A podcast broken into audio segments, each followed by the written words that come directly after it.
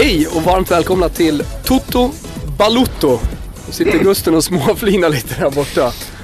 Du är så jävla dålig på att hälsa välkommen. Det är så, varje gång Expressen säger så Thomas kan du vara programledare när vi kör Expressen live? Säger man, ja okej då. Och sen så, 10 sekunder kvar, sitter jag ju fortfarande helt ovetande om hur jag ska hälsa folk välkomna till sändningen. Jag, jag, liksom, jag är helt planlös. Ja, men Kim, ska du, eh, ska du bara kort klippa in där Thomas eh, hej och så lyssnar vi på det en gång till hur, hur, hur, stelt, hur stelt det låter när du säger hej. Det är som att du, det är som att du inte liksom vet hur man för sig och rör sig i sociala sammanhang. Hej och varmt välkomna till Toto Balutto. Du sträcker fram en stel karda och säger hej. och då pratar vi ändå med penetrationens mästare. Ja, det är mycket, men det är just den här startrepliken, alltså jag måste komma in i det direkt. Därför säger jag så här Augusten istället. Har du sett Lampards, eh, är det Instagram-bild, men, men hans eh, bitches? Nej. Men han, han har ju lagt ut då en, en bild på hans, ja, jag kan inte, alltså det är någonting jag är dålig på. Du sa ju det till mig här för, eh, var det ett par, tre dagar sedan när vi satt och drack bärs innan jag åkte ut i skärgården. Eh, så hade du och några kompisar suttit och pratat om så här, vad man är dålig på. Till och med så man, som man skäms lite över att man är dålig på. Då var ja, men jag... man har komplex för. Ja men exakt, man, man, har, man, man har komplex för. Då bollade jag ju upp eh, att jag inte har, eh, första har jag inget komplex, jag har inga problem att prata om det. Men, men jag är ju alltså helt rudis vad det gäller politik. Ja. Alltså då, då pratar jag inte bara om så här, vem är finansminister och sånt där. Utan du vet, skulle folk börja prata om ideologier, ja, men då, då, är, då är jag helt borta. Så jag brukar säga det, liksom, att jag, jag är som uh, Fiorentinas kurva, jag är neutral. Mm. Uh, men uh, en, en sak till som jag är liksom riktigt, riktigt dålig på. Det, det är ju då de här första tio sekunderna i i, i, i något slags liksom, eh, eh, rörligt eller bara radiosammanhang. Det, det, det är en av, de, en av de sämsta på. Ja men det tror jag är, det är, det är en smalare grej att uh, ha komplex för än då till jo, exempel men... politik eller vissa kanske har då geografi. Uh, jag spelade till exempel ett spel igår kväll med min flickvän och två kompisar som heter Med andra ord. Eh, jag tror att många känner till det men man ska då alltså beskriva ett ord man får på en liten bricka med andra ord så att eh, sin lagkompis förstår vilket ord det är man söker och sen så när den då eh, häver ur sig rätt ord, ja då får man en poäng. Och min tjej får då Chile. Och säger att det, det, ligger i Spanien. Det här är i Spanien. Herregud. Och så ja, kämpar ju... man ju på i 45 sekunder men går bet. Och sen så då Fast, när tiden går ut och hon säger att det var Chile då, då vet man ju inte riktigt vad man, vad man ska göra. Fast det är ju på en, alltså det, det är ju, det är ju på en eh, alltså, lägre intelligensnivå. Alltså, nu pratar vi under hundra om att du vet att Chile är ett land. Alltså, då, har man ju, då har man ju suttit i skolan eh, med hörlurar. Det är ju helt sjukt. Alltså, då har man ju en, då har man en, en hjärna som är som teflonpapper för fan. Ja. Ja, men det, sen så underbyggdes det där med då att, äh, men, äh, de, de, jag hade en spanska lärare som var från Chile. Så hon pratade ju spanska. Och jag sa ja, det, Okej. Okay. Men alltså om du börjar gräva lite i det där, alltså hennes geografiskills. Alltså var landar du någonstans då? Att hon, att hon inte ens, eh, alltså vet hon ens var hon befinner sig någonstans på jordklotet? Jag väljer att inte lyfta på fler stenar. Det får liksom... Jag blir ändå lite sugen när jag hör det. Men eh, det är ju det är din bitch då, om man ska lyssna till Lampard. Han la ju ut en bild eh, på hans fru, misstänker jag att det är. Ja. Eh, och eh, hans, eh, på tal om att vara dålig på saker, hans hund. Jag vet inte vad det är för ras. Ja. Är det någonting jag är riktigt dålig på, alltså eh, Rebban geografi dålig på, så är det hundraser. Men, eh, eh, och så skrev han bara My bitches. Och på, på, på, på, engelska, på engelska så är ju bitch, är det tik? Alltså, om man nu... Eh, alltså, he, alltså var kommer ordet ifrån? Är det en tik liksom? Är, är det bitch på engelska? Jag tror det. Ja, det finns väl eh, ganska många olika eh, synonymer och förklaringar till eh, bitch. Alltså det ryms ju en del ord i eh, översättningen av bitch. Ja. Men han fick i alla fall en jävla massa skit för det. Och jag tänkte kolla med dig, vad, vad tycker du om att han skrev då My bitches och la ut den här bilden? Eh, det är väl helt okej. Okay. Alltså, jag antar att han inte körde över sin egen fru och pissade på henne. De har väl en uh, intern jargong som är okejad. Då måste, man väl, få, då måste man väl få, få uttrycka den. Ja men det, det, är så alltid, det är så jag alltid tänker när folk ska då tycka om, till exempel i ett sånt här läge där, där det är två personer som uppenbarligen liksom samtycker eh, och skrattar. Eh, så jag la ju ut då för, för att svara på liksom, Lampard och att jag var lite förbannad på att folk då tyckte att han betedde sig sexistiskt. Eh, så la jag ut en bild på min svägerska igår och skrev att hon är så jävla bra. För att är det någonting hon är så är det kåt, glad och tacksam. Ja. Men jag har fortfarande inte fått skit. Kan du känna där lite att jag, att jag gick över en gräns då? Alltså till att börja med så känner jag att det är ett alarmerande storhetsvansinne som eh, börjar eh, göra sig väldigt frekvent påmint i ditt liv när du känner att okej, okay, Frank Lampard gör det här på Instagram. Då är det min uppgift här att kontra med någonting. Som att ni spelar i samma division, att ni är lika relevanta.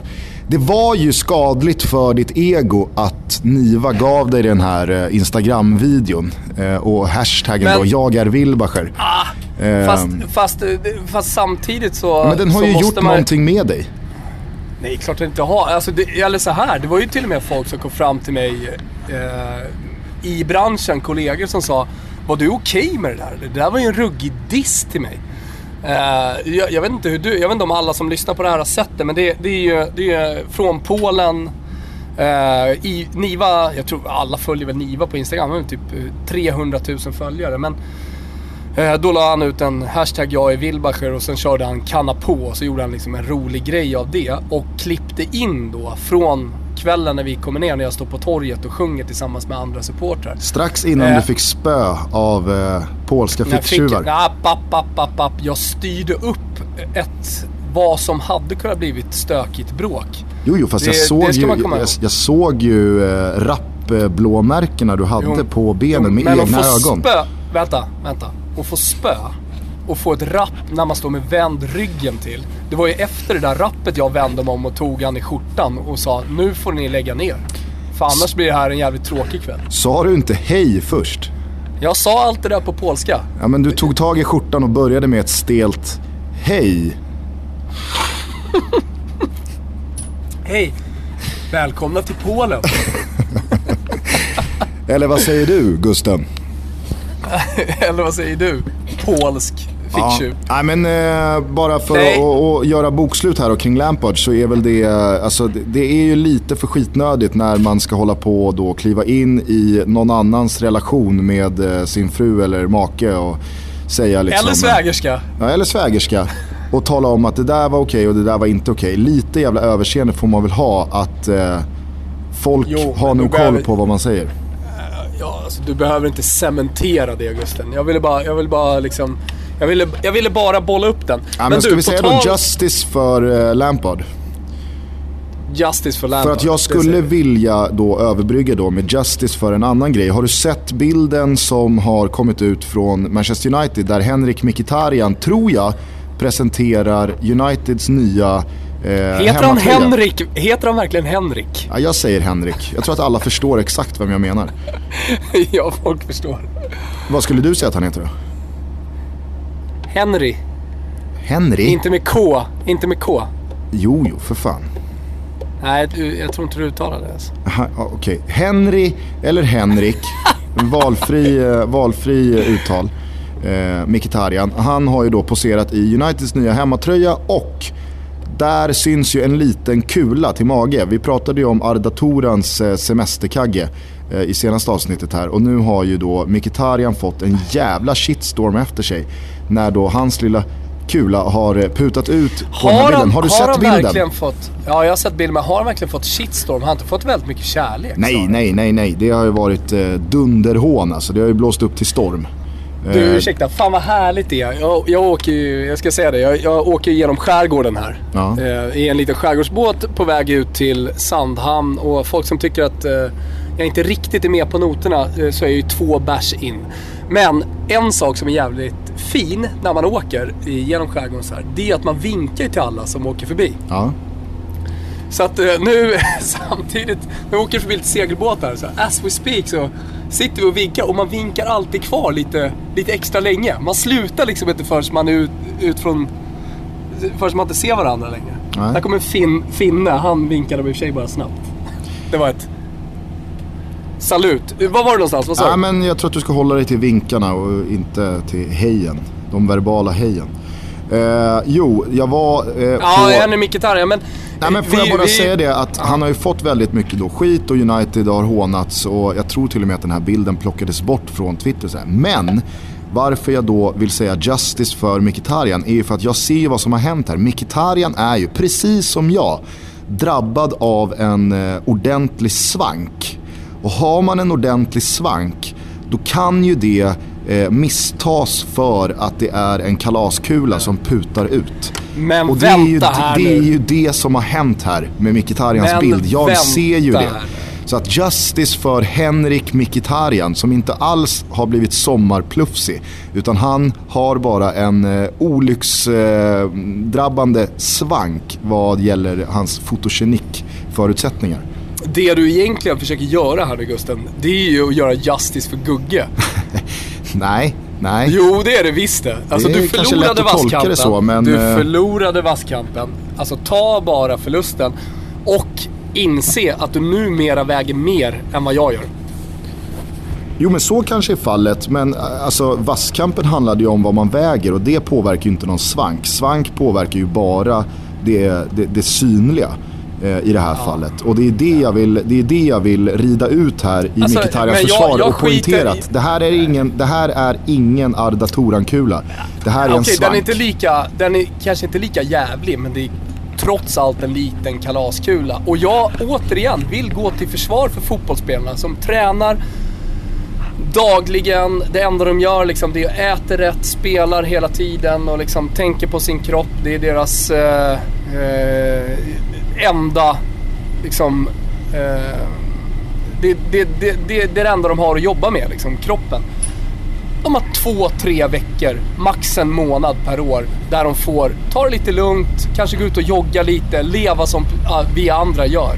Och jag är fullt medveten om att de tjänar miljoner och att man minsann då kan liksom... Ja, visa respekt för fans och allt möjligt och inte gå och bli feta. Men de är trots allt bara människor. Alltså låt de här jävla robotarna som tränar så jävla hårt bli lite jävla plufsiga på semestern. Jag tycker verkligen det alltså. Jag, jag, jag går helt emot. Låt dem röka, kröka, käka. Jag vill se alla spelare komma tillbaka från semestern med en kalaskula. Ja. Nej, det är Blir bara... besviken när jag såg Albin Ekdals eh, bild från någon sommarsemester i Italien. Eh, där han är liksom tokdeffad. Vad händer där Albin egentligen? Skärpning Albin. Ja, men jag tycker det. Alltså, det hade ju, men jag håller med om att det hade varit jävligt uppfriskande att se Albin komma tillbaka till Hamburg med en kalaskula. Ja, verkligen. Då, alltså, hade han... ju, då hade ju då min slutgiltiga målsättning nåtts att jag och Albin ska ha samma kropp. Fast åt fel håll. Kanske det. Men, men, men då, alltså, han, han har ju fått större star quality med en kalaskula efter semestern. Och det läcker ut eh, bilder på Albin med en cigg. Ja. ja. vi får väl lyssna med Albin hur han tänker kring det här. Eh, vi hoppas ju att han gästar oss eh, på måndag. Exakt, uh, yes. Så att, uh, alltså, lite problem, jag är ute i skärgården. Jag ja, vet inte hur jag ska lösa det. Men du får, uh, du får väl ta dig hem. Det är, det är Sveriges största sportpodd vi gör här. Inte, no, inte någon liten, inte något litet skolprojekt. Så att, eh, det är bara att sätta dig på den där båten tillbaks om två dagar. Eh, skitsamma, på tal om United. Det är bara någon timme sedan som eh, deras officiella konto gick ut och bekräftade det alla redan visste igår mer eller mindre. Den enda som tvivlade ordentligt det var ju Fredrik Pavlidis. En man av källkritiska mått. En man som eh, inte gillar när eh, spekulationer blir till sanningar. Eh, han var skeptisk, men Eh, det som då läckte ut i förrgår och som aktualiserades igår är nu officiellt. Romelu Lukaku landar i Manchester United. 75 miljoner pund, cirkus någonstans, eh, handlar det om. Och eh, man får ju säga att eh, utifrån vad som fanns tillgängligt, eh, i synnerhet med Premier League-erfarenhet, så tycker jag i alla fall att United fyller luckan efter Zlatan på ett alldeles utomordentligt sätt här i och med Lukaku. Vad säger du? Jo, men framförallt så måste man ju, om man, om man ska göra ett sånt konstaterande. Du var ju inne på det här nu med Premier League-erfarenhet. Alltså framförallt om man är Manchester United och eh, ska in i Champions League och man ska kriga om titeln hela vägen in i maj. Eh, så måste man ju köpa en färdig, eh, redan färdig spelare. Man kan inte till exempel värva som Milan gör nu. Alltså ungt med potential. Utan du måste ha in spelare som går direkt in och levererar från match 1. Och om man, om man då tittar till vad som faktiskt finns. Om, om man nu, som du säger då, utesluter alla andra ligor och dessutom vill liksom eh, ha Premier League-erfarenhet. Ja, men då, då har man ju köpt det bästa man kan göra. Som dessutom är tillgängligt, det ska också tilläggas. Ja. För det är inte så att man går och, och, och värvar från en direkt konkurrent. Men eh, ja, det var väl Giroud då som eventuellt skulle kunna vara tillgänglig som en nummer nio. Ja, men då köper man det bästa man, man, eh, man kan få tag på och dessutom så tar man ju faktiskt mer eller mindre då en spelare från Chelsea. Alltså det, det är ju en maktdemonstration här från Manchester United också som jag tycker är jävligt spännande. Mm. Ja, här... För va, va, va, va, hur, hur, hur reagerar Chelsea på det här? Alltså hur gick förhandlingarna? jag menar, de måste ju ändå känna sig som Premier League-vinnare som också då kliver in eh, som en topp 8, topp 10 kandidat att vinna Champions League. Att fan, alltså vi, vi har mindre muskler än Manchester United. Ja, inte bara mindre muskler utan de har ju även hamnat i en ganska märklig situation då. Att som du säger, regerande mästare, de ska in i Champions League, alla älskar Antonio Conte och allting borde rulla på väldigt smärtfritt. Så har de ju nu hamnat i, snart i mitten av juli, alltså Premier League-starten är bara en månad bort. Och man har ju redan i vintras eh, nästan förkunnat att Diego Costa kommer att lämna. Eh, det är väl en sak, men att så länge ha vetat att Diego Costa ska lämna och att fortfarande... Vad är status, vad är status på Diego Costa just nu? Är det Kalaskula. Alltså Diego Costa håller ju inte igen på en semester. Det, det, det, är ett man, som är säkert. Alltså, det, det som är med Diego Costa det var ju att han spelade fotboll barfota fram till han var 23. 23? Det, det är inte BB vi snackar om här. Nej men alltså typ. Alltså, det, han, han gick ju väldigt snabbt från att spela barfota till att eh, alltså, gå till toppen så att säga. Men, men det finns ju å andra sidan ingen annan brasse som är mindre barfota-kompatibel än Diego Costa. Alltså du kan ju inte se honom springa omkring barfota på någon bakgata i Sao Paulo. Nej, men eh, ja, det slår mig nu när vi pratar om det här, alltså sett till hur karriären har artat sig. Nu, nu har det ju eh, gått betydligt bättre mot slutet för Diego Costa än för den personen jag ska bolla upp här. Men får man inte lite känslan av att Mattias Ranegi är svensk fotbolls Diego Costa? Jo, jo fan alltså. Inte, inte nog med att de är lite lika varandra. På något jävla konstigt sätt utseendemässigt. Alltså, jag, samtidigt som jag är medveten om att de inte är lika varandra utseendemässigt så tycker jag ändå att det finns någonting med deras utseende som lirar. Eh, så är de ju, eh, precis som du säger, alltså, som personan Mattias Ranegi är ju så nära Diego Costa det kommer faktiskt. Ja. I alla fall i det här landet.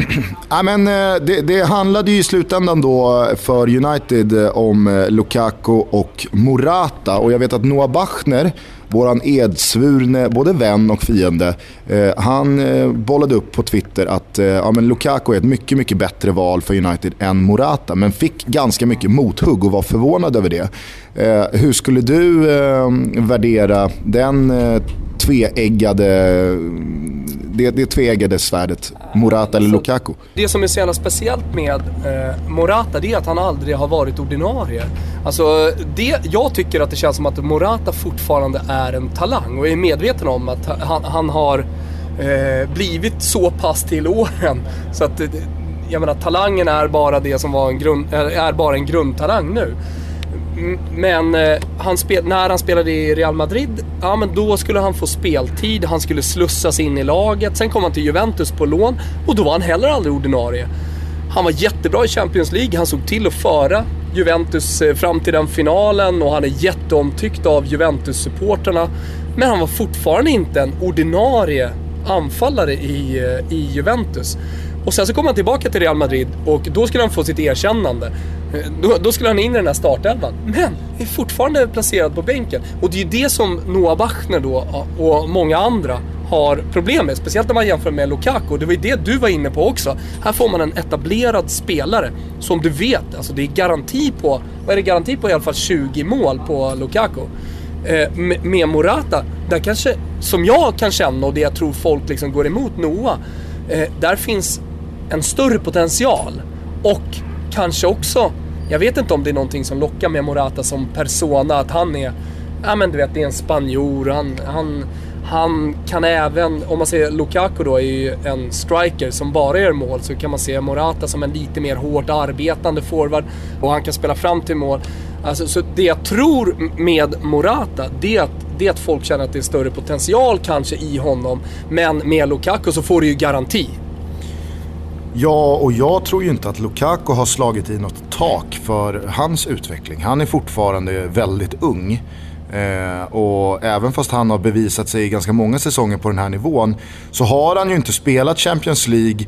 Eh, han har inte varit med i eh, titelstrider. Han har inte haft eh, nu kanske många skulle säga emot när jag kallar Manchester United för eh, ett lag fyllt av världsspelare. Men han har ju spelat i ett lag som inte har samma kvalitet i truppen som ett lag av Uniteds snitt. Så att jag tror absolut att Romelu Lukaku, han har både 5, och 10 och 15 procent i sig. Där måste man ändå säga att Morata har varit i miljöer länge här nu av absoluta världsklasspelare. Och då tänker jag både på Juventus och Real Madrid. Så att... Fast vad gör miljöer i slutändan? Alltså jag tänker, alltså Moratas bästa säsong, ligasäsong pratar jag om nu. Det, det är ju åtta mål. Han gjorde åtta mål eh, 13-14, han gjorde åtta mål i Serie A första säsongen och sen gjorde han sju andra. Alltså, det, det, det är det jag menar. Alltså, värvar du Lukaku, då får du garanti. Sen kanske det finns, om man nu har det scoutögat, en större potential. Du får mer än kanske lagspelaren, en, en, eh, en, en spelare som jobbar för laget. Men, men eh, 75 miljoner, precis som jag varit inne på hela tiden, det är alldeles för mycket pengar för Alvaro Morata. Han är värd 30-40 om man ska komma ihåg det. Alltså Lukaku, han är ett år yngre än Morata, vilket är sjukt alltså. Om man, om man, tycker jag i alla fall, om man ser på de två spelarna. Jag skulle lätt säga att Morata är yngre än Lukaku. Ja, ja, absolut. Absolut. Men, och nej, utan vet, att tänka till. Jag vet inte, alltså, du vet ju och väldigt många av våra lyssnare vet ju vart jag står i frågan om eh, Eh, övergångssummor och att det har skenat totalt. Men om man nu skiter i vad summan är så håller jag ju inte med dig om att Lukaku ska kosta dubbelt så mycket som Morata. Där kan jag ändå tycka att ah, men där, eh, det, det ska ju inte skilja Eh, 100% mellan eh, Morata upp till Lukaku. Nej, det kanske inte ska göra, men jag tycker i alla fall att Manchester United gör rätt. De värvar en redan etablerad spelare. Det är det som är det viktiga. Alltså, eh, och det måste Chelsea också göra. Problemet är att nu har de hamnat i ett läge där det inte finns några Premier League-spelare, Premier League-anfallare att, att värva. Det finns ingen garanti att köpa. Nej, men som jag återigen, ja, det, det skulle vara Oliver Giroud när de nu pre presenterar Lacazette och de känner att det finns ett överflöd där med, med honom. Men eh, annars måste man ju gå utanför och då är, då, då, det är fortfarande så jävla mycket pengar. Morata för 75. Vill du köpa Belotti för 100? Nej, nej det, är, det är en tight marknad. Och då skjuter ja. ju priserna i höjden. Och det är, där kommer ju Chelsea in nu. Vad ska de göra?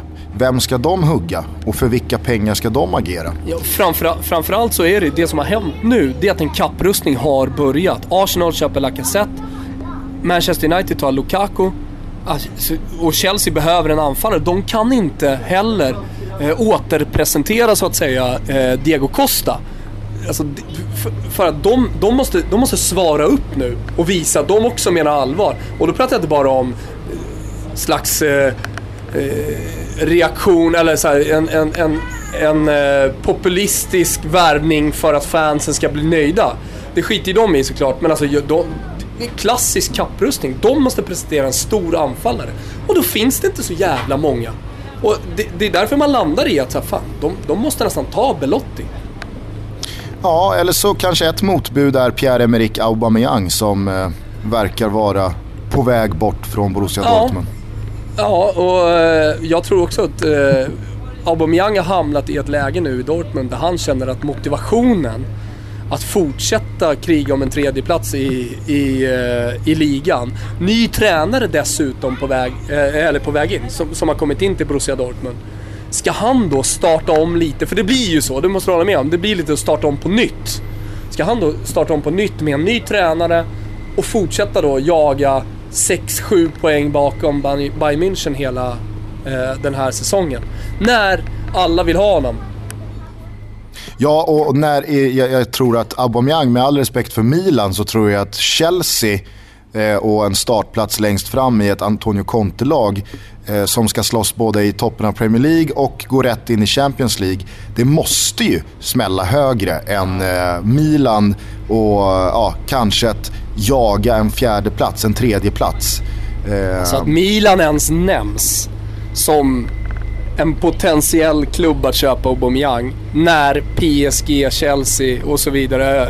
Jag vet inte om Real Madrid är där. Jag har inte hängt med på exakt det senaste.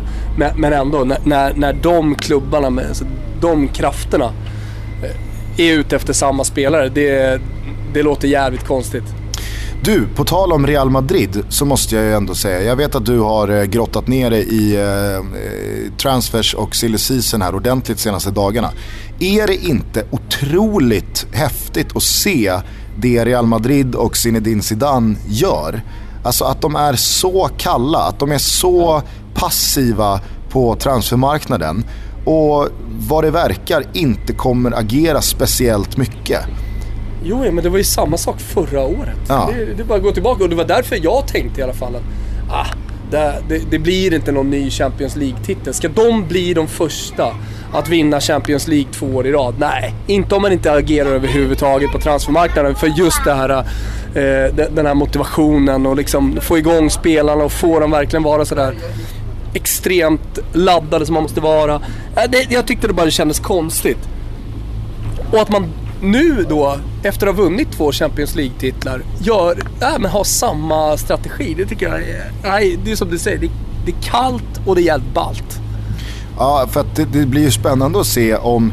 Fan eh, vad fint det är ute i skärgården alltså. Det är helt otroligt. Ja, men du vet, det, det är bara så små stenkobbar som eh, ja, nakenbadande semesterfirare ligger på. Alltså det, är, det är fan otroligt hur jävla fint det är. Du, har, du har ju två bärsfiltret på det också. Visserligen, men ja. Det här är otroligt. Ja, det blir jävligt intressant att se ifall eh, Zidane och Real Madrid återigen passivt då kan bli ännu bättre. Och kanske då än en gång signalera till alla andra att kontinuitet och en bergfast tro på det man gör kanske inte behöver vara fel medicin heller. Ja, men Real Madrid är ju i ett läge där de bara kan göra... De kan skjuta två skott med kikarsiktet och värva två stycken storspelare. Sen behöver de inte göra någonting. Så jämför då med, med till exempel Milan som är en sovande storklubb på väg att hitta tillbaka. Men de måste göra om hela laget och det är förståeligt. Eh, men, men, kolla på Manchester United. De är egentligen i samma läge som eh, Real Madrid. Alltså där handlar det om finjusteringar, där handlar det om att, att lägga sig med kikarsiktet och bara liksom hitta de här en, två, tre spelarna eh, so, som gör att laget eh, höjs. Men frågan är vilka det är för eh, Real Madrid. Ja, det är alltså absolut. Skulle Morata försvinna så är det väl absolut inte någon vild gissning att tro att det kommer hämtas in en anfallare av, av högt snitt. Eh, men eh, det är ju å andra sidan då om Morata försvinner. Nu försvann ju en exit-möjlighet för honom till, eh, Manchester United. Så att eventuellt alltså, kvar. Om, tänk, om, tänk, om, tänk om Morata då skulle bli en spelare som fram till han är 28-29 på något jävla Birhoff-sätt hela tiden är en reserv. Och en spelare som man trots allt hela tiden pratar om när eh, när man nämner de stora lagen. Alltså, det, det, är ändå så att han har spelat i Real Madrid, Juventus, han har spelat i Champions League-final.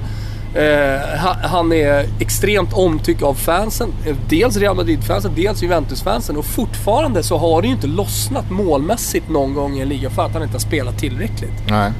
Sen så vet jag att du eh, kanske står eh, i, i motsatt ringhörna från mig och han är ju en liten vattendelare. Men jag fascineras ju över hur länge ska Karim Benzema abonnera på den där jävla spjutspetsrollen i Real Madrid som ändå efter två raka Champions League-titlar får anses vara världens bästa klubb. Jag tycker ju inte att eh, Benzema är ens bland de 5, 6, 7, 8 bästa niorna i världen. Och ändå så är det hans position. Och det går ytterligare en säsong här nu. Jag har ju känt så här sedan säsongen 13-14 Nej men eh, jag kan hålla med, jag måste bara säga det. Så jävla skönt att passera flera segelbåtar alla liksom är fullt ställda. Ganska bra blåst eh, måste jag säga. De ligger lite segelbåtarna. Alltså du måste sluta snacka om det. Ja men lyssna. Och så, åker vi förbi, och så åker vi förbi en jävla superlirare som har den största segelbåten av alla. Skiter i seglar, kör bara på motorn. Tuffar fram. Ja. Jävla fint. Eh, eller är det så jävla konstigt då? Han, han är väl en av de bästa nummer niorna som som, eh, som finns. Liksom. Fast jag tycker inte det. Jag tycker man kan räkna upp både 6, 7 och 8 precis som jag sa alldeles nyss. Nej, Nummer 9 i världen som du, är bättre. Fast, fast va, verkligen eller? Vadå verkligen? Ja men eh, han spelar ju, problemet med Benz, eller problemet, men han spelar ju Real Madrid och han har andra spelare som tar lite av uh, uppståndelsen Alltså, han har Cristiano Ronaldo i samma lag. Man skriver bara om honom. Är, inte, är det inte det du lider lite av här kring eh, Karim Benzema? Att det pratas inte speciellt mycket om honom. Bara för att det finns andra spelare runt honom som, som tar uppmärksamheten. Jag tror att det är det som är med, med, med Benzema. Ja, Snarare jag, jag, jag än att bara... han är... Att, att han inte skulle vara topp 5 eh, i världen som nummer 9. Ja, nej det tycker jag verkligen inte att han är. Sen så kan det absolut Okej, vilka, finnas... vilka är dina topp 5 då? Ja, du har... Eh... På uppstuds här. Eh, Iguain, eh, du har Vadå, eh, Iguain är bättre än, äh, än, äh, än Karim Benzema som petade honom i, i Real Madrid. Ja men det var ju... Du tyckte det var, det var fel ju, Det var ju alltså. sex år sedan. Ja men... Sex år sedan, men ändå. Ja, men vadå men ändå? Man, ju... man måste väl bedöma av idag? Ja, jo det är klart man Där och då han... var det väl inget snack. Där tyckte jag också att Real Madrid valde att satsa på rätt spelare. Men idag, 2017, då är det väl andra så har, bullar. Tycker du att Iguain har utvecklats så pass mycket så han har gått om eh, Benzema? Ja, definitivt. Det tycker inte jag. Det okay. tycker inte jag. Eh, jag tycker att Lewandowski är en bättre nia än vad Karim Benzema är. Nej, tycker inte jag. på samma nivå. På samma nivå, okej. Okay. Ja, men det är svårt. Jag, jag har svårt att skilja på Benzema och uh, Iguain. Det okay. måste jag säga. Jag tycker att Harry Kane är en bättre nia än uh, Karim Benzema. Aldrig. Det där är ju Premier League-runket i dig som, som växer fram. Nej, verkligen, inte en bättre fotboll. Det är absolut inte en bättre fotbollsspelare. Det är en bättre nia. Sätt Harry Kane i Real Madrid och få fler mål än med Benzema. Nej, det tror jag inte. Nej, nej. Ja, men jag... jag sätt, här, så, sätt Benzema i, uh, i Tottenham Benzema så blir det ett bättre lag. Sätt Benzema i Tottenham. Så blir det ett bättre lag. Nej, absolut inte. Oh. Nej. Eh, men eh, det är väl härligt att vi ibland tycker olika. Det är ju många som uppskattar när det blir dålig stämning i Toto. Jag, jag, alltså, jag, vet ju, jag, vet ju, jag vet att jag kommer få mycket skit här nu för att jag tycker att Benzema är bättre än Kane och folk kommer nämna statistiken från de senaste säsongerna. Att Benzema bara gjorde 11 och Kane gjorde 30 eller vad det nu var. Ja, men vet, vet, du vad som är intressant i det här? Det låter ju som att du på riktigt tycker att eh, Karim Benzema är världens bästa nia. Ja. I och med att du slashar alla mina motbud. Ja. Och det, det, det är ju, det, det är ju, det är ju, alltså kanske, kanske myggar du av dig själv. 2% här. ja, kanske gör jag det. En, alltså, en, en, en, sommarsolig skärgårdssemestrande två bärs in Thomas Wilbacher ja. som börjar yra om att Karim Benzema här... är världens bästa nia. Det är det... inte att stärka Toto Baluttos aktie som den ledande fotbollspodden i det här landet. Det är direkt svagt. Det kan ju mycket väl vara så att jag tycker annorlunda om två timmar också. Ja, kanske. Vi får väl hoppas det. Jag är lite lynnig idag Gustav. Du, eh, ska du bara fylla på då med lite eh, nyheter vad som händer kring de största klubbarna där ute i Europa? Jag vet att du har som sagt djupdykt vad det gäller transfers senaste dagarna. Jo, det, det, jo, eh, jag gjorde det. Jag gjorde ett, ett, stort jobb för Expressen där jag gick igenom de 20 största lagen i Europa och liksom det som, det som då hade gjorts. Men det är ju så med silly season att det, det räcker ju med att man är på en skärgårdsö i 24 timmar och, och sen så har man tappat det. Jag hade ju till exempel inför det här eh, avsnittet inte sett att det var officiellt med eh, Lukaku till Manchester United. Så att, eh, men, men, men, det man kan säga är att många av storlagen ändå eh, sitter ganska lugnt. Alltså om man tar mästarna, Barcelona, Real Madrid som vi var inne på, Juventus för all del, Bayern München, så har det inte hänt sådär jättemycket. Eh, men jag tror också att den här, låt oss säga lilla upptrappningen som sker nu i England också kommer få resultat i Europa. PSG, ta dem till exempel. De har inte heller gjort någonting. Och kollar man på de namnen som nämns för, ja men ta PSG då som ett jävligt bra exempel. Kollar man på namnen som, som nämns där kring dem så är det ju mer eller mindre omöjliga spelare. Eh, Cristiano Ronaldo, eh, Aubameyang som då uppvaktas med samma potenta, i alla fall plånbok, av eh, fyra, fem andra giganter i Europa. Jag måste bara Vilket säga gör... innan du fortsätter. Helt inaktiva har ju inte PSG varit. För jag såg i förrgår att de har förlängt kontraktet eh, ett år med Thiago Motta. Så att han har då kontrakt över 17-18. Och detta, detta tyckte då klubbens officiella Twitterkonto på engelska att alla då kunde diskutera under hashtaggen Thiago Motta 2018.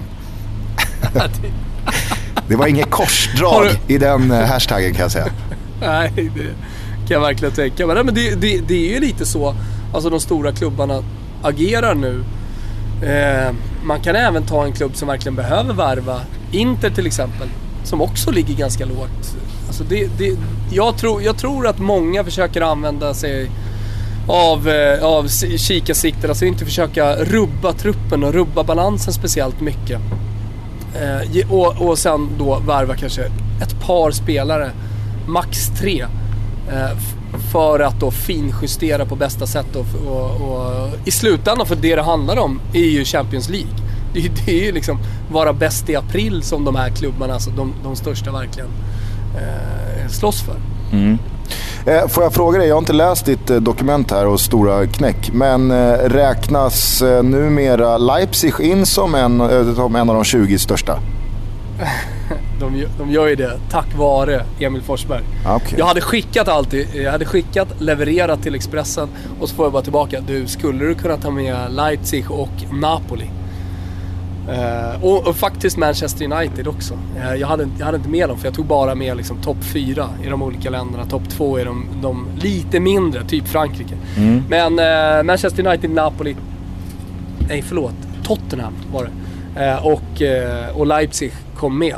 Leipzig, de håller ju på och värvar smått. Men återigen med potential. Alltså de värvar ju unga talanger. Därför ska man ha lite extra koll också på, på, på Leipzig. Så även i Dortmund alltså. Dortmund har ju visserligen värvat Toprak, om vi ska prata rutin. Annars är det ju samma strategi som de alltid har kört med. Ungt, man... Jag skulle säga att gemene man har inte riktigt koll på, på spelarna som som eh, Dortmund köper in varje säsong. Men på tal om garanti. Det är nästan som man känner, jaha den där liran. Och så kollar man, ah, han gjorde en jävligt bra säsong i Mainz. Ja, han kommer explodera i eh, Dortmund. Man skulle väl för gemene svensk kunna påstå att Borussia Dortmund, de värvar Eh, alltså Alexander Isak, det var ju ingen avart utan det är ju sådana typer av värvningar de gör. Ah, ja. Bara det att Alexander Isak kanske är eh, av eh, lägst kostnad och eh, minst eh, kött på benen i Borussia Dortmund-termer. Det men det är ju så de värvar. Unga formbara spelare som tidigt är eh, liksom, nyckelfigurer i ja, seniorlag i bra ligor. Ja, med enorm men, potential.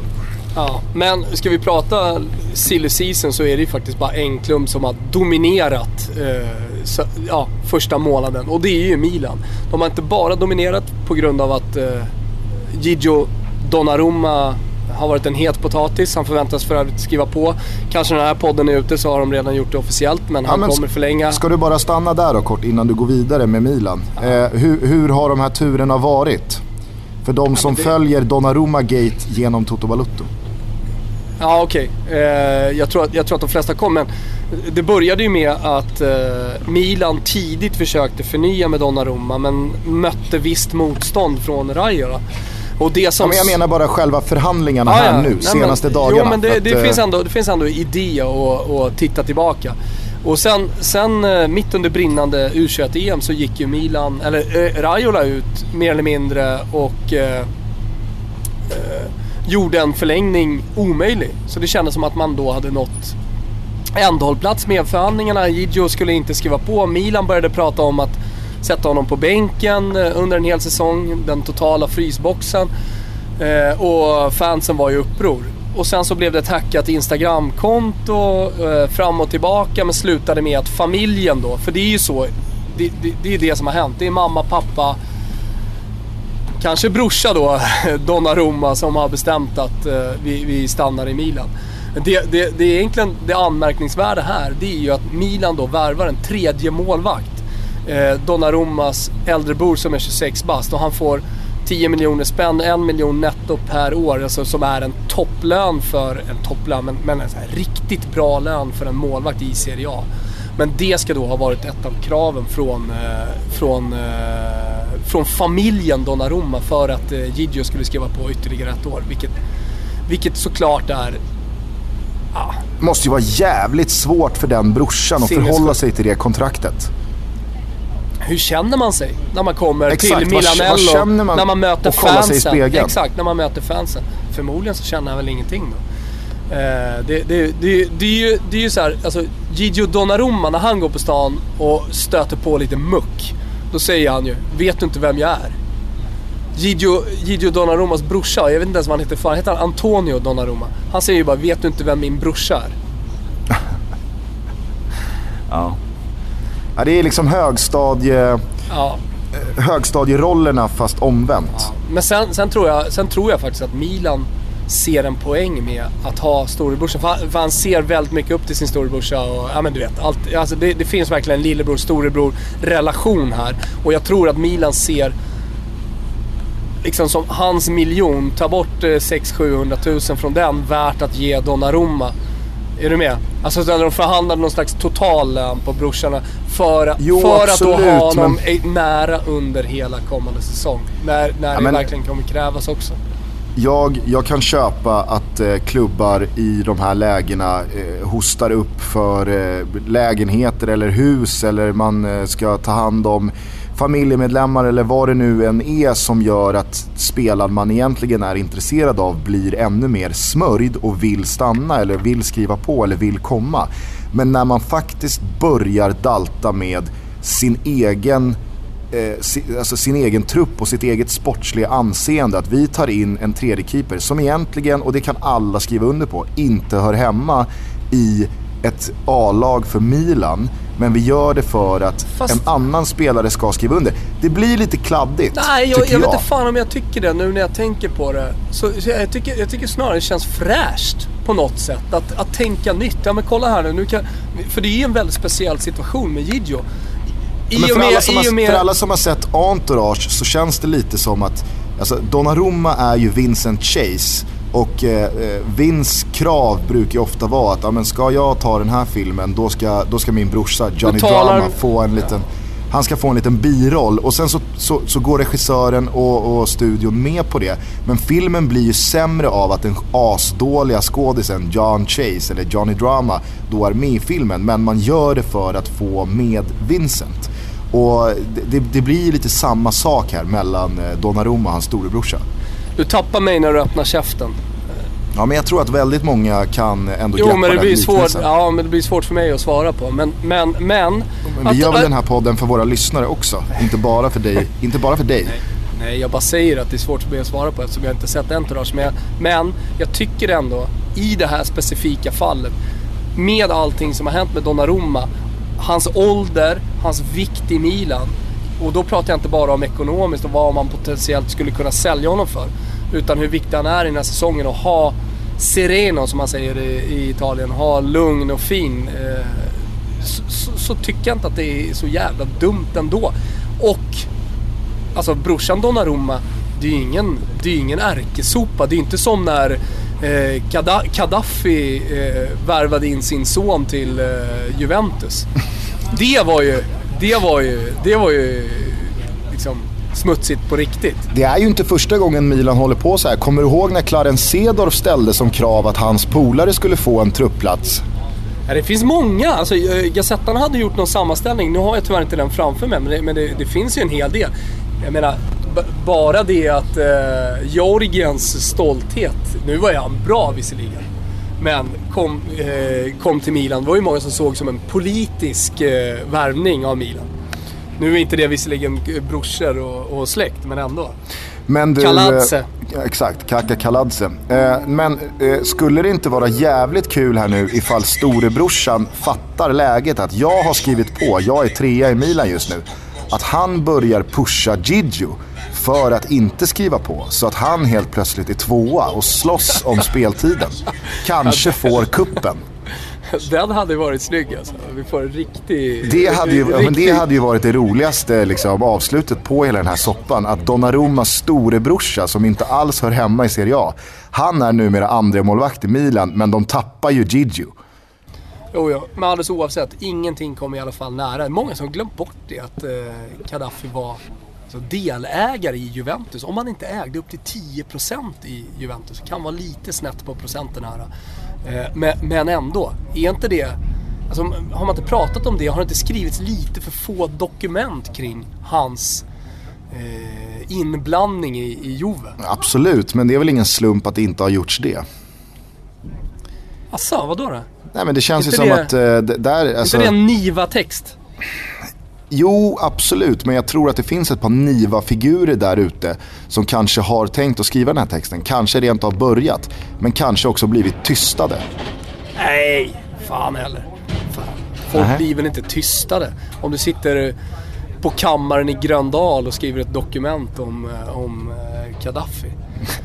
Nej, jag vet inte. Än så länge så lever ju Erik och frodas. Så att, uh, han, alltså, kan, va, va, han kanske inte har börjat gjorde... knacka det dokumentet än. Va, va, va, hur, många, hur många Serie A-matcher gjorde son Gaddafi? Äh, men Thomas, jag har kollat upp eh, Al-Sadi Gaddafi här nu, sonen till Muammar som spelade i Serie A. Han, han spelade mot Juventus när Gaddafi var eh, aktieägare i, um, i Juventus. jag, blandar ihop, ah, jag blandar ihop det med att han var svartvit i Udinese, eller hur? Han var i Perugia och Udinese, gjorde en match ah, vardera. Ja, jag för mig bara att, att de lånade in honom i någon slags, eh, ja men du vet så här, eh, gest till delägare Karaffet. Han kom in och jag vet inte om han gjorde en försäsong eller vad fan det var i Juventus. Men jag, jag kan vara snett på den. Hur som helst, att han ens spelade i, i Serie A. Han var ju en Alltså han var ju en US, han var en division 6-spelare. Ja, men det, det man kan då dra för slutsats från det här, alltså att han tillhör Perugia en säsong, gör bara en match och den råkar vara mot Juventus som Gaddafi är med och deläger. Det är ju att Gaddafi förmodligen har sett till så att han ska spela den här matchen. Han kanske har gått på Perugias ledning och sagt han ska in mot Juventus för att jag är delägare i Juve och jag vill se min son spela här. Ja, så måste det vara. Det är, ja, det är klart att det är så. Det är ju helt... Det, det är så jävla stört. Det är så långt, alltså det, det, det, det är att gå så långt liksom på, på släktbanden som man bara kan göra. Det Donnarumma håller på med, det är ingenting jämfört med vad Gaddafi gör. Han köper sig in i ett fotbollslag. Placerar sonen i ett annat lag bara så att han ska kunna spela fotboll på toppnivå. Ja. Det är nästan värt att kolla ifall den där enda matchen han gjorde för Udinese också var mot Juventus. I sådana fall så är det ju glasklart vad vi har att göra med här. Du, du vet ju annars vad, vad vi har att göra med för landslag här på Gaddafi. Ö, Libyen eller? Jag trodde att du skulle plocka Medelhavsriddarna direkt Gustav. Jaha. Nej, var dåligt av mig. Det var jävligt ja. dåligt av mig. Nej men eh, du, innan vi rundar av och innan vi släpper transfern bara. Eh, de svenska spelarna där ute eh, är väl eh, kanske inte stekheta på marknaden. Men en en anfallare som jag tror många ändå har lite koll på, måste kanske byta klubb eller röra på sig i alla fall, är ju John Guidetti. Det senaste jag läste det var att det började röra på sig om just Udinese. Mm. Exakt, där finns det inga släktband. Men eh, alltså, mer och mer börjar jag känna att eh, John Guidetti jag, för jag har nämligen varit väldigt pro honom och trott att det ska släppa och att han har då de här 20 målen från Feyenoord i sig även då i en toppliga. Eh, men eh, nu, anledningen att det börjar snackas om Odinese är ju på grund av att man, man eh, släpper Zapata. Och att eh, det således finns en ganska stor lucka i anfall. Men, men att man kollar på Odinese, jag, jag, jag kan inte se att han har mer än 10 mål i sig. Och då pratar jag då framtid. Kommande säsong. Eh, och i och med att det är de klubbarna som nämns också lite grann. Odinese-stuket. Mm. Vad, vad, finns det mer att säga om svenskarna? Är det någon annan du eh, vet att det rör på sig kring? Alltså Emil Forsberg åkte ju på eh, Eh, ett eh, ja, men, ganska, ganska rejält eh, stopp i och med att Leipzig stängde den dörren ganska tidigt. Men han och hans agent har inte gjort... Eh, alltså de, de, har ju varit ganska aggressiva, tycker jag. Alltså nästan förvånansvärt eh, aggressiva gentemot klubben i sina uttalanden, eller framförallt agenten här. Eh, men Milan, Milan är ju fortfarande intresserade och de är inte den enda klubben. Men, men jag vet inte hur man heller ska tolka att man värvar in Broma. Som har spelat ganska mycket på samma position som Emil Forsberg. Nej. Men å andra sidan så är ju Leipzig eh, numera en av eh, de 20 största klubbarna. De ska in i Champions League. Eh, Rangnick vet väl att eh, det krävs en bra jävla bredd i den här truppen ifall vi ska ta nästa kliv. Ja, men nu, nu kanske jag kan Broma lite för dåligt så att det kan vara så att han kan spela till höger, han kan spela bakom ett anfall, han kan spela i ett anfall och så vidare. Så att det, det, det är snarare att man har spetsat till anfallskvartetten. Men, eh, Men tröja? i alla fall, na, exakt. Spontant när jag såg att han, han var klar för Leipzig så, så kände jag att eh, Eh, att, att det var en, konkurre- en konkurrent till Emil Forsberg. Sen så är ju han eh, nummer 10, han är startspelare alla dagar i veckan, men att det skulle kunna vara ett tecken. Eh, den här tröjan hur som helst, eh, den, den ska ju alldeles strax eh, delas ut va? Ja. Vi har ju tävlat om den. Vi presenterar väl en vinnare nästa vecka. Ja. Tack för, alla, tack för alla omslagsbilder som ni har skickat in. Tack de blir för bara alla omslag. Ja, men alltså, tack de blir bara bättre och bättre vilket fantastiskt jävla engagemang. Ja. Och hur skickliga är inte folk på att uh, göra omslagsbilder? Jag såg nu senast det var någon som, nu har folk börjat be om uh, omslagsbilder när du la ut uh, Ponne i Leeds-tröjan tillsammans med två lagspelare. Ja. Det var väl nyzeeländaren? Två lagspelare? Ja, men... Det var, det var, inte några, det var inte några egon, utan det var lagspelare han stod med. Käften, vad heter han, eh, nyzeeländaren som gör så mycket mål? Då, då, hade, då hade någon bett om att få in oss två. Eh, våra två huvuden bredvid ponden. Ja, men eh, den, den, den, den bilden ligger ju då fortfarande... Chris Wood tänker du på? Exakt, Chris Wood. Uh, ja, nej men absolut. Den bilden ligger ju fortfarande då upp, uh, up for grabs. Att ändra då till en omslagsbild alla Toto Balutto. Och då har man fortfarande chansen på Broma-tröjan. Men du, på tal då om svenska, svenska spelare som det börjar röra på sig så får vi väl pressa Albin om det också nästa vecka. Eh, vad, vad, han hör och vilka han snackar med och vilka han tror eh, kanske kan flytta på sig. Om inte han själv är på väg bort från Hamburg, men det tror vi ju inte tjänar för mycket stålar i Hamburg, tror jag. Ja, det tror jag också. Att, eh, för att röra på sig. Mm. Eh. Och sen har han haft en skadedrabbad säsong så att det är snarare att komma tillbaka. Han gör ju helt rätt att stanna där. Innan vi avslutar eh, dagens avsnitt av Toto Balotto så vill vi återigen rikta ett stort fett jävla tack till våra nya samarbetspartners Ben, Business Event Network. Eh, gör som många gjorde redan efter förra avsnittet, att eh, gå in och ja, men lär känna Ben lite bättre. Dels via deras sociala medier, där heter de Business Event Network, eller deras hemsida businesseventnetwork.se. Eh, det här är ett affärsnätverk som vänder sig mot beslutsfattare i alla olika typer av företag.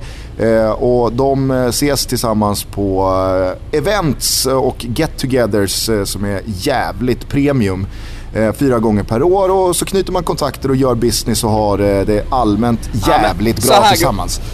Så här Gusten, är, Gusten ja. är man en beslutsfattare på ett litet, medel eller stort företag, då ska man gå in på Business Event, Business Event Networks hemsida och så ska man ansluta till dem. Det är inte så jävla mycket svårare än så. Är man inte en beslutsfattare på ett företag, då kanske man känner någon och då ska man då självklart tipsa om deras eh, nätverk. Exakt, och vad det lider så kommer det komma en Toto Balotto-gren av Ben som vi ser fram jävligt mycket emot att vara med och bygga.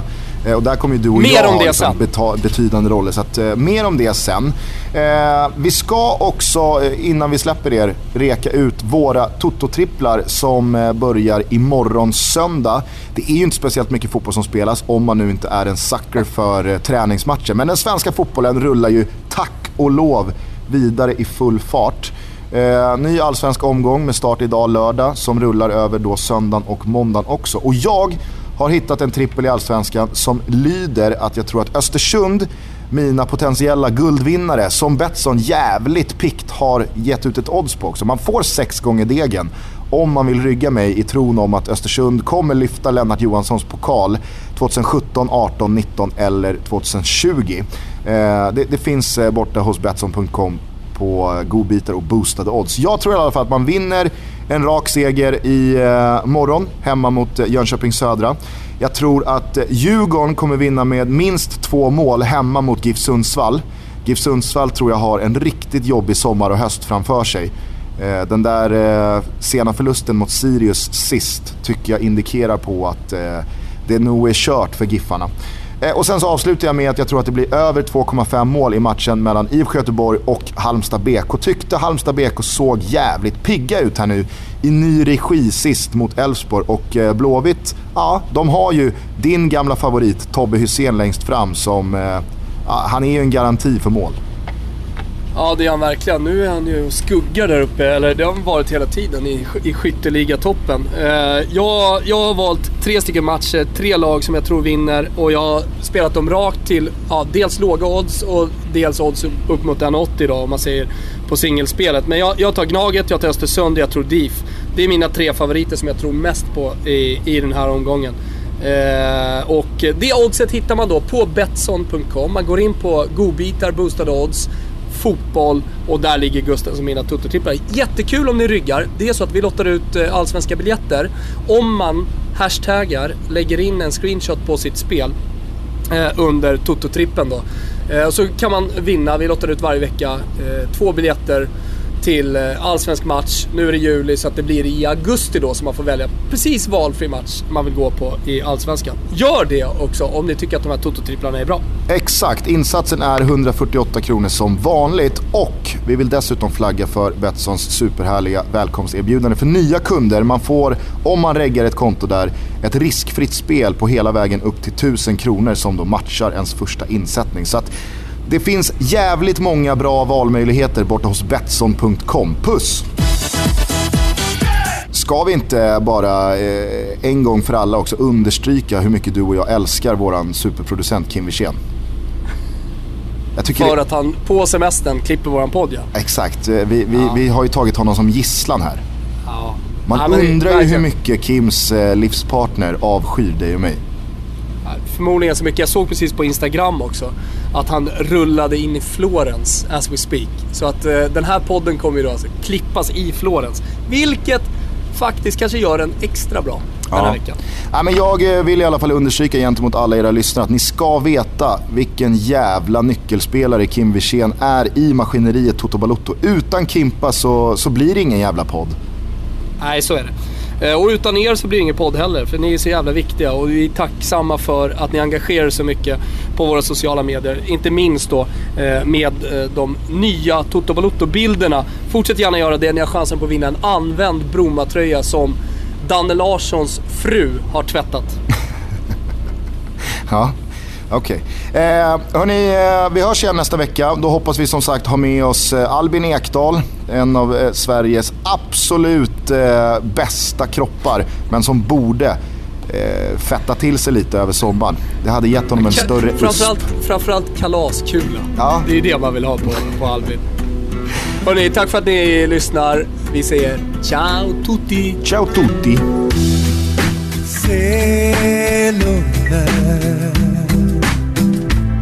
svepa in i vikens famn. Lägga sig till rätta för natten.